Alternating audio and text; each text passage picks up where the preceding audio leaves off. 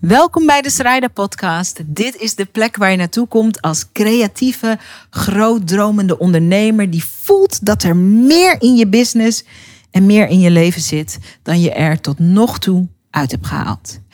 In deze podcast krijg je tips en tools om met meer zelfvertrouwen te komen opdagen. Niet alleen in je business, maar ook in je leven. En de aflevering van vandaag is een live opname die ik deed via Instagram. Ik doe daar een live talkshow. Sarayda Zichtbaarheidsshow.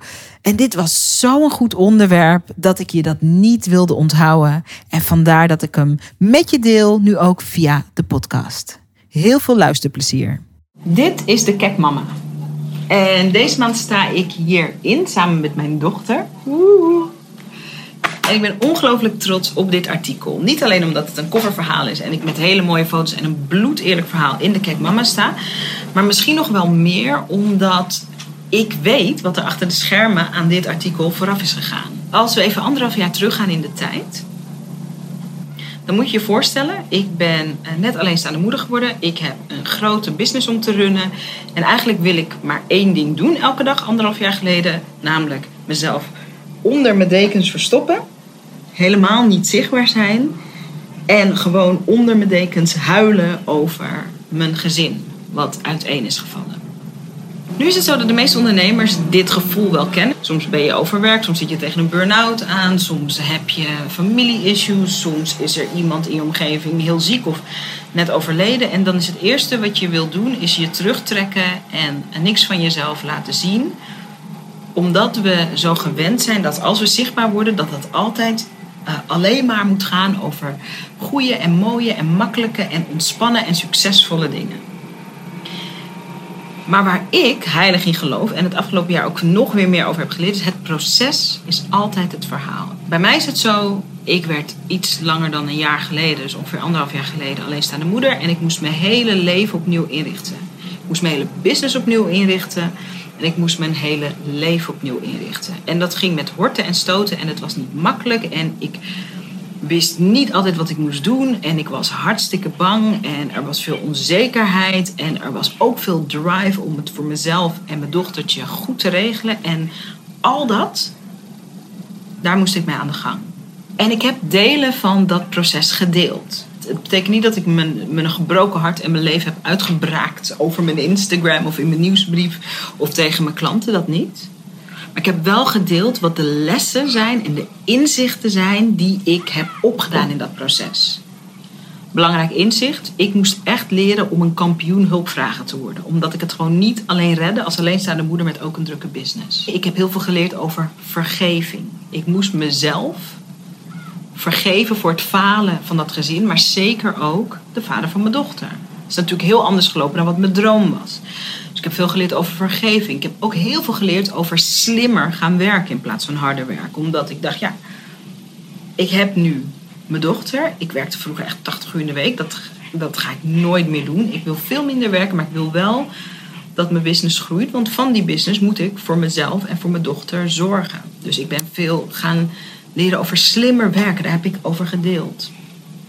En al die lessen en het delen daarvan heeft iets super cools in werking gezet. Namelijk dat ehm, er veel meer vertrouwen ontstond tussen mij en mijn volgers, mij en mijn tribe, mij en mijn klanten, mij en mijn ondernemer. Ik had natuurlijk een prachtige presentatie uh, voorbereid.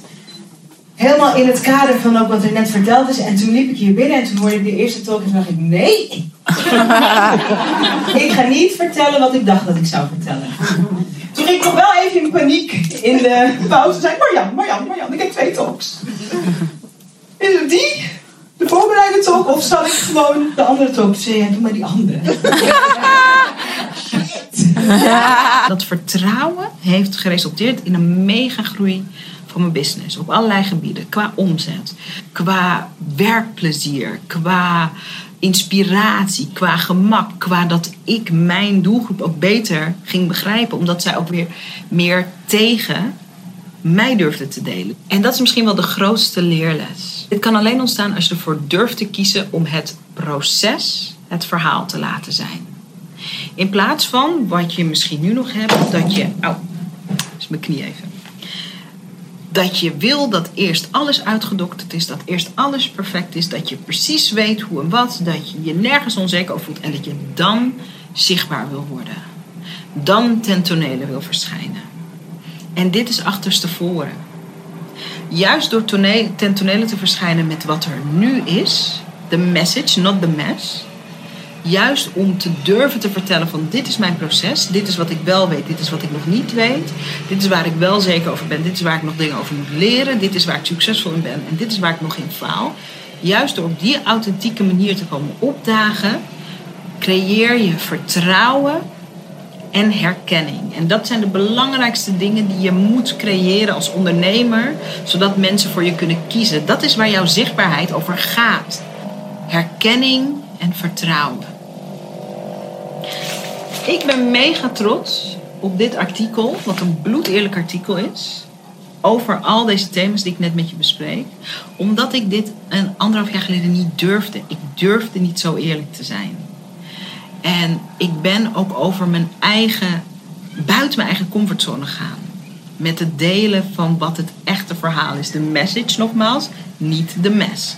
Niet de, niet de heavy details, niet de drama. De message, wat ik geleerd heb, de inzichten. En waar ik je toe wil uitnodigen is om meer lef te tonen. In het delen van het proces. Het proces is het verhaal. En als je zo'n ondernemer bent die zich altijd maar afvraagt, maar wat moet ik laten zien? Dan is de uitnodiging om eerlijk te worden over wat er op dit moment echt speelt in je business en in je leven. Zodat jouw ideale klanten, zodat de mensen die jij wil inspireren, waar jij verschil voor wil maken, herkenning en inspiratie uit jou kunnen halen. Dat kan alleen als je eerlijker wordt. Als ondernemers worden we uitgenodigd om daartoe bereid te worden. Op onze eigen manier, in ons eigen tempo, met onze eigen stijl, in onze eigen woorden. Maar wel dat pad. Dus ga maar laten zien. Ga je proces maar laten zien. Wacht niet tot het perfect is. Wacht niet tot je bij het eindstation bent en dan ga je dan eens vertellen.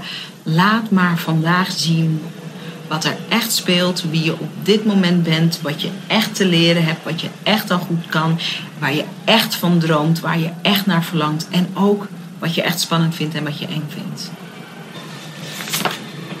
En haal deze. Hij ligt deze hele maand in de winkels en je kan zien dat I walk my talk. Dat kan je hier onder andere in lezen. Dank voor het kijken, heel veel succes en I talk to you soon.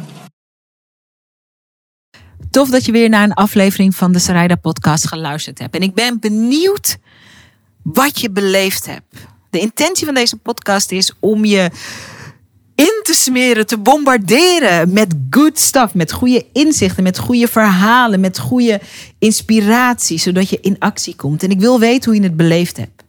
Kom het me vertellen op Instagram. Ik heet gewoon Zaraida Groenart op Instagram. En ik ben daar elke dag om met je te praten, om met je te connecten en om van je te horen waar ik je mee kan helpen.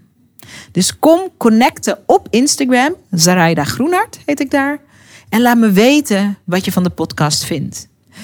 En als je dan toch bezig bent, wil ik je ook meteen even een kleine favor vragen.